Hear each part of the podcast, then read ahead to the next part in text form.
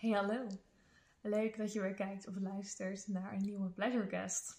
Als je deze luistert in de week van 6 november, wanneer ik deze ook opneem, is het de week van de vruchtbaarheid. En ik vond dat eigenlijk wel een te mooi thema om geen podcast te maken. Dus om deze week op een bepaalde manier af te trappen, of ik weet niet hoe je het wil noemen, uh, wil ik heel graag met je wil ik heel graag wat met je delen. Namelijk mijn artikel, wat uit is gekomen in de Gezond Nu. Uh, wat gaat over mijn hele vruchtbaarheidsreis. Want voor als je me wat langer volgt, weet je dat dat iets is waar ik best wel mee gestruggeld heb. En zeker als je mijn Instagram post even terugscrollt en leest of in mijn guide kijkt, mijn fertility journey, kun je daar veel meer over vinden en over lezen.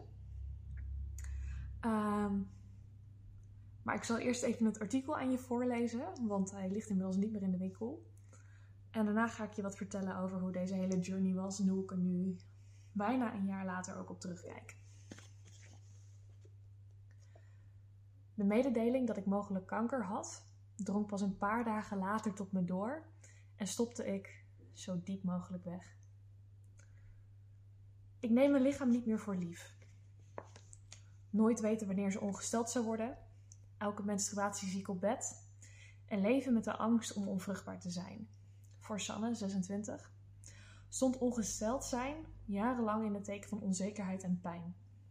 Als haar huisarts voor de zoveelste keer iets wilde voorschrijven, is ze er klaar mee. Ik wilde de oorzaak boven water krijgen. Zolang ik me kan herinneren, heb ik al de wens om moeder te worden. Mijn onregelmatige cyclus zorgde daarom voor veel stress. Want wat als ik niet vruchtbaar was? dat ik later kinderen zou krijgen, was voor mij altijd een vanzelfsprekendheid geweest. Maar misschien was dat het wel helemaal niet. Het frustreerde me enorm dat ik via de huisarts steeds maar niet verder kwam. Dus besloot ik zelf op onderzoek te gaan. Ik sprak verschillende vrouwen in mijn omgeving en zocht online uitgebreid naar informatie. Zo kwam ik tot de conclusie dat ik mogelijk PCOS had. Een hormonale afwijking waardoor je minder vaak een ijsprong hebt. Met deze informatie ging ik naar een andere huisarts voor een second opinion.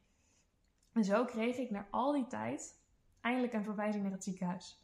En daar zagen ze op de echo 16 kiestes op mijn rechter eierstok.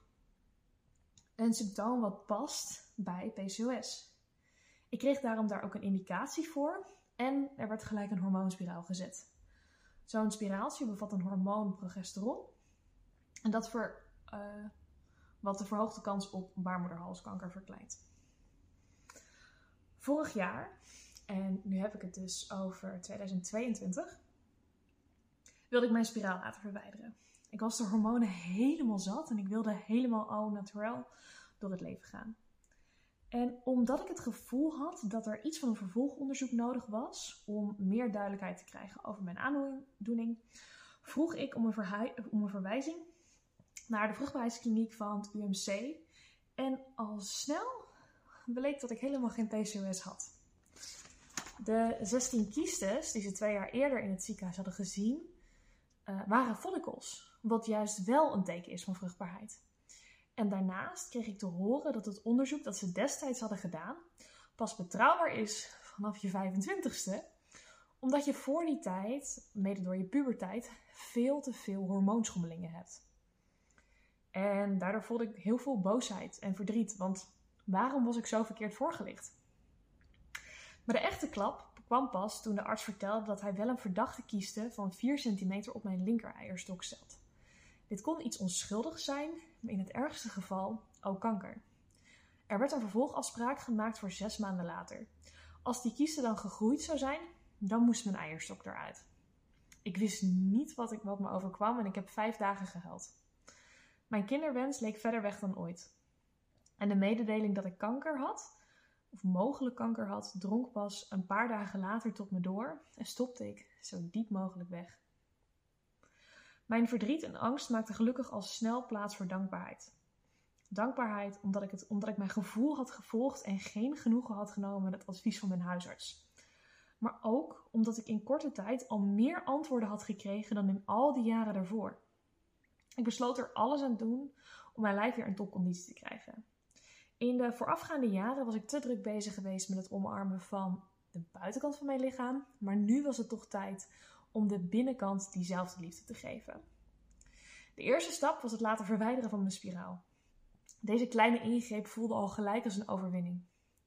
Eigenlijk had ik hem nooit gewild, maar op advies van de dokter en het aandringen van mijn toenmalige vriend had ik hem toch laten plaatsen.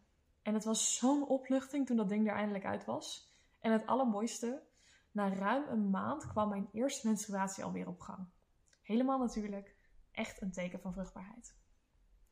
Mijn levensstijl gooide ik ook compleet om. Ik schrapte cafeïne, alcohol en gluten uit mijn dieet en ik ging supplementen slikken. Ik viel meer dan 10 kilo af en werkte daarnaast aan een betere connectie met mijn lichaam. Een fijne dagelijkse routine en het verlagen van mijn stressniveau hielpen daarbij. Ik was al vaker overspannen geweest, dus ik wist goed wat voor mij werkte. Een opgeruimd en georganiseerd huis, weinig digitale prikkels en mijn gevoelens uitspreken. Naast het aanpassen van mijn voeding en mijn leefstijl besloot ik ook het spirituele circuit te verkennen. Zo heb ik onder andere ehm, energetische massages gehad om blokkades in mijn lijf te verwijderen. Ik wilde namelijk echt alles aanpakken wat ik kon om mijn lichaam te herstellen. Het hele proces deelde ik op Instagram. Daar heb ik zoveel fijne reacties gekregen van vrouwen die het soort, soortgelijks hadden meegemaakt. En het heeft heel veel mooie gesprekken opgeleverd waar ik veel aan heb gehad. Maar ook mijn beste vriend en ouders stonden voor me klaar. Zij hebben me echt door deze periode heen gesleept. Naarmate de datum van het vervolgonderzoek dichterbij kwam, liep de stress weer op. Ik had complete chaos in mijn hoofd, want wat zou er gebeuren als ze daadwerkelijk in het ziekenhuis me slecht nieuws zouden geven? En tegelijkertijd voelde ik gek genoeg ook een hele hoop rust. Ik was zo gegroeid en wist, wat de uitslag ook is, ik kan het aan. En bovendien had ik vertrouwen in mijn lijf. Ik had er ontzettend veel liefde in gestopt en dat moest op een of andere manier wel effect hebben gehad. In november vorig jaar kwam het verlossende woord. De kieste was niet gegroeid en bleek een ophoping van talg en haren te zijn. Kortom, niets om me druk over te maken.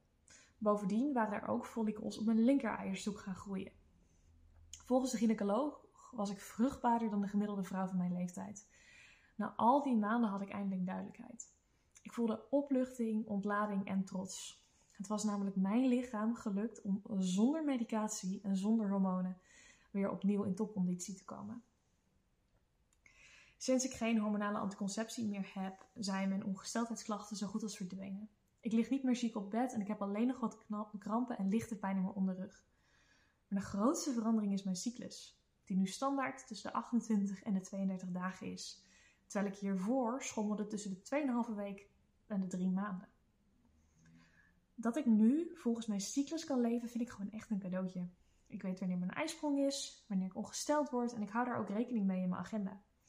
Voor veel vrouwen misschien normaal, maar ik had het echt niet durven dromen. Hoewel het een emotioneel en onzeker traject is geweest, heeft deze hele ervaring me ook heel veel gebracht. Het vertrouwen in mijn lichaam is groter dan ooit. Ik weet nu dat het enige wat ik hoef te doen is de juiste brandstof in mijn lijf te stoppen en dat het dan wel goed komt. Ook neem ik mijn lichaam niet voor lief en luister ik altijd naar wat het te zeggen heeft. Door mijn verhaal te delen hoop ik andere vrouwen te inspireren om dit ook te doen. Uiteindelijk weet jij zelf het beste wat er speelt. Omdat ik mijn gevoel heb gevolgd, zit ik nu in een gezond en krachtig lichaam wat in balans is. En daar ben ik dus elke dag dankbaar voor. Nou, dit artikel kwam dus uit in de Gezond Nu van september 2023. Dus ligt inmiddels alweer, uh, is inmiddels alweer twee maanden geleden uitgekomen. En ik durf oprecht te zeggen dat dit een van de mooiste, meest kwetsbare interviews is die ik ooit heb gegeven. In de periode dat ik me nog fulltime richtte op boudoirfotografie heb ik daar heel vaak dingen over verteld. Maar dit was toch een stukje heel dicht van mezelf waar ik eigenlijk niet zoveel controle over had. En er zijn nog een paar dingen daarover wat ik heel graag aan je mee wil geven. Ehm, ik voelde vanaf moment één eigenlijk al wel dat wat ze me in het ziekenhuis uh, in eerste instantie hadden verteld, dat dat niet helemaal klopte. Er was iets in mijn systeem wat zei: ga hier meer onderzoek naar doen, zoek dit uit, want er voelt iets gewoon niet goed. En juist doordat ik dat heb gedaan en ja, naar mijn gevoel heb geluisterd, ben ik er dus daadwerkelijk achter gekomen dat ik geen PCOS heb, maar wel dus een kieste op mijn linkereierstok. Um, die zit er dus nog steeds, maar die is verder niet schadelijk. En door de hele leefstijlverandering die ik heb ondergaan, is mijn linker eierstok ook weer actief geworden. Want dat was voordat ik mijn spiraal eruit haalde niet het geval.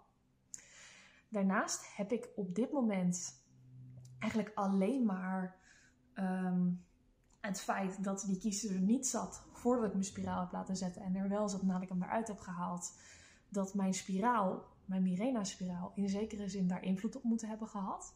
Omdat ze daar in Deventer, uh, waar ik in eerste instantie het onderzoek heb gedaan, verder niks over gezegd hebben. Dus voor mij is het feit dat um, die spiraal er zo'n grote invloed op heeft gehad, toch wel een reden geweest dat ik denk van oké, ehm, hormonale anticonceptie is dus niet voor iedereen weggelegd. En ik werk nu helemaal niet meer met hormonen, of tenminste ik gebruik geen hormonale anticonceptie meer. Ik gebruik namelijk de Daisy. Dat is een thermometer die leg ik elke ochtend onder mijn tong en die geeft me inzicht in hoe mijn cyclus loopt. Daarnaast hebben we gewoon seks met condoom en als het een keertje misgaat dan gebruik ik een morning after pill. Ehm, dat is een beetje hoe ik er zelf nu naar kijk. Maar ik kan me ook heel goed voorstellen, en dat is ook iets wat, wat je wil meegeven, dat stel dat het stoppen met een spiraal of met het stoppen met een pil of met een prikpil of met een implanon of wat dan ook je zoveel extra stress oplevert, dan moet je voor jezelf afwegen of de, uh, het gebrek aan hormonen wat je in je lijf toevoegt opweegt tegen de stress die het kost. En ik denk dat in heel veel gevallen, zeker met heel veel jonge vrouwen, de hoeveelheid stress die het oplevert als je van de hormonen afgaat, slechter voor je is dan de hormonen die je toedient. Um, ik ben zelf pro uh, niet-hormonale conceptie, of uh, niet-hormonale anticonceptie. Uh, maar dat hoef jij natuurlijk niet zo te zijn, maar dat is wel een beetje mijn visie erop. Van, ik denk dat um, Zeker als je volgens je cyclus gaat leven. Er zijn heel veel trainingen over op internet te vinden over die je daarbij helpen. Um, het boekje Brein aan de Pil van Sarah Hill is ook echt een heel interessant boek. Die vertelt um, wat de chemische effecten zijn van deze hormonen op je brein. En hoe dat uh, je keuzes in partners en in relaties en in je dagelijks leven beïnvloedt. Echt een vet interessant boek. Dus die zou ik zeker aanraden om even te gaan lezen. Uh, als je het onderwerp interessant vindt. Maar voel voor jezelf gewoon wat voor jou de juiste stap is. Ik heb een hele hoop vriendinnen die zweren bij een spiraal of bij de pil, omdat het ze gewoon heel veel rust geeft en een bepaalde regelmaat. En dat is ook, daar is ook heel veel voor te zeggen. Het is alleen niet wat voor mij werkt. En wat ik heel bizar vind om te beseffen is, we zijn nu een jaar verder en ik ben op dit moment dus vruchtbaarder dan wat ik ooit in mijn leven hiervoor geweest ben. Juist omdat ik gestopt ben met hormonale anticonceptie en dus mijn hele levensstijl over heb gegooid. Um, ik heb er op dit moment geen twijfels meer over of mijn huidige vriend en ik um, mogelijk een gezinnetje kunnen starten. Daar uh, heb ik eigenlijk alle vertrouwen in wanneer dat gebeurt, dat dat vanzelf bij ons terechtkomt. Um, dus ja, het, hele onderzoek, hoe heftig en hoe intens het ook was, heeft mij vooral heel veel rust en heel veel vertrouwen in mijn lichaam opgeleverd. En ik ben oprecht heel erg blij dat ik het gedaan heb, hoeveel stress en verdriet er ook aan gekoppeld zit. Want um, wat ik je denk ik met deze aflevering ook wil meegeven, is dat, hoewel we dat ook vaak denken, onze vruchtbaarheid en de mogelijkheid om zwanger te worden niet per se een gegeven is.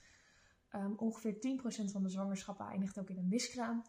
En dat zijn gewoon best wel veel dingen waar niet over gesproken wordt. En dat vind ik zelf zo ongelooflijk jammer, omdat het um, heel erg de indruk wekt dat het allemaal maar vanzelf moet gaan en allemaal bij de natuur hoort. En dat is in zekere zin ook wel zo, maar hoe we onze levens de afgelopen paar decennia hebben aangepast, is natuurlijk niet helemaal met een natuurlijke wijze over hoe we begonnen zijn. Dus um, een van de belangrijkste dingen uh, die ik uit mijn dieet heb geschrapt, dat ik nog steeds niet doe, is het eten van eieren. Uh, dit heb ik uit het boek uh, Medical Medium. En als je daar niks mee wilt of niks mee hoeft, moet je dat lekker zelf weten. Maar voor mij, in dat boek wordt beschreven dat eieren en zeker dierlijke eiwitten, maar dan vooral dierlijke eieren, bijdragen aan de ontwikkeling van kiezen. Dus die heb ik volledig uit mijn dieet geslapt. Um, dat doe ik al een jaar. Mijn kiezen heb ik het afgelopen jaar, of eigenlijk afgelopen half jaar, ook niet meer gegroeid. Um, ik drink geen cafeïne meer, dus ook geen cola en geen koffie. Wel decaf koffie, dus als je met een kopje koffie zit, is het eigenlijk altijd decaf. Um, dus daar ben ik volledig mee gestopt. Ik eet ongeveer twee, drie keer in de week uh, vegetarisch-veganistisch. En dat heb ik erin gehouden, omdat ik gewoon merk dat mijn lichaam daar, of dat nou met mijn hormonen te maken heeft of niet, gewoon over het algemeen beter op reageert. Daarna probeer ik heel veel te wandelen en bezig te zijn met yoga, omdat ik merk dat dat de connectie met mezelf en mijn lichaam versterkt. En dat zijn eigenlijk uit de detox en de, uit de hele levensstijlverandering die ik voor dit proces heb aangegaan, zijn blijven plakken en die dus ook uh, dagelijks geïntegreerd zijn in mijn leven. Daarnaast drink ik iedere dag bijna 3 liter water. Uh, vaak zelfs nog iets meer, wel in de vorm van verse gemberthee met honing. Of uh, water met uh, Keltisch zeezout, wat ervoor zorgt dat mijn, het water ook daadwerkelijk opgenomen wordt door mijn lichaam. Dat is ook iets wat ik ben gaan doen. En ja, dat is een klein beetje de verandering. Dat is waar ik je voor uit wil nodigen om dit om mee te nemen terwijl je deze podcast hebt geluisterd of gekeken zelfs. Dus hey, als je hem ziet. Ehm, en als je hem luistert, ik ben naar je aan het zwaaien. Ehm, ja, mocht je hier nog vragen over hebben, wat dan ook. Of uh, dingen uh, zijn waar je zelf tegenaan bent gelopen en weet hoe, hoe, ik dat op dat moment heb aangepakt. Ehm, laat het me zeker even weten. ik vind het zo'n belangrijk en mooi onderwerp om iets mee te doen. Dus vandaar dat ik ook, uh, toen ik zag bij Natasja, die mij ook de uh, energetische fertiliteitsmassages heeft gegeven, die ik inmiddels ook weer heb opgepakt. Uh, dacht ik van, oh, dat vind ik eigenlijk wel een heel mooi moment om dit nog even met je te delen, omdat het zo'n enorm impactvolle periode in mijn leven is geweest. Van de boodschap dat ik mogelijk kanker had en nooit kinderen zou kunnen krijgen, tot vruchtbaarder dan de meeste vrouwen van mijn leeftijd. En ik ben nu 26 dat is echt heel bizar. En ik ben zo enorm dankbaar dat dit hele proces op deze manier heeft uitgespeeld. Omdat het me zoveel meer vertrouwen in mijn lijf en in mijn hele cyclus. En in gewoon de, ja, de mogelijkheid en de wens op, ehm, op mijn toekomstig moederschap te kunnen bekronen. Om het maar even zo te zeggen. Lieverd, dankjewel voor het kijken of luisteren naar deze podcast. En je hoort me weer in de volgende.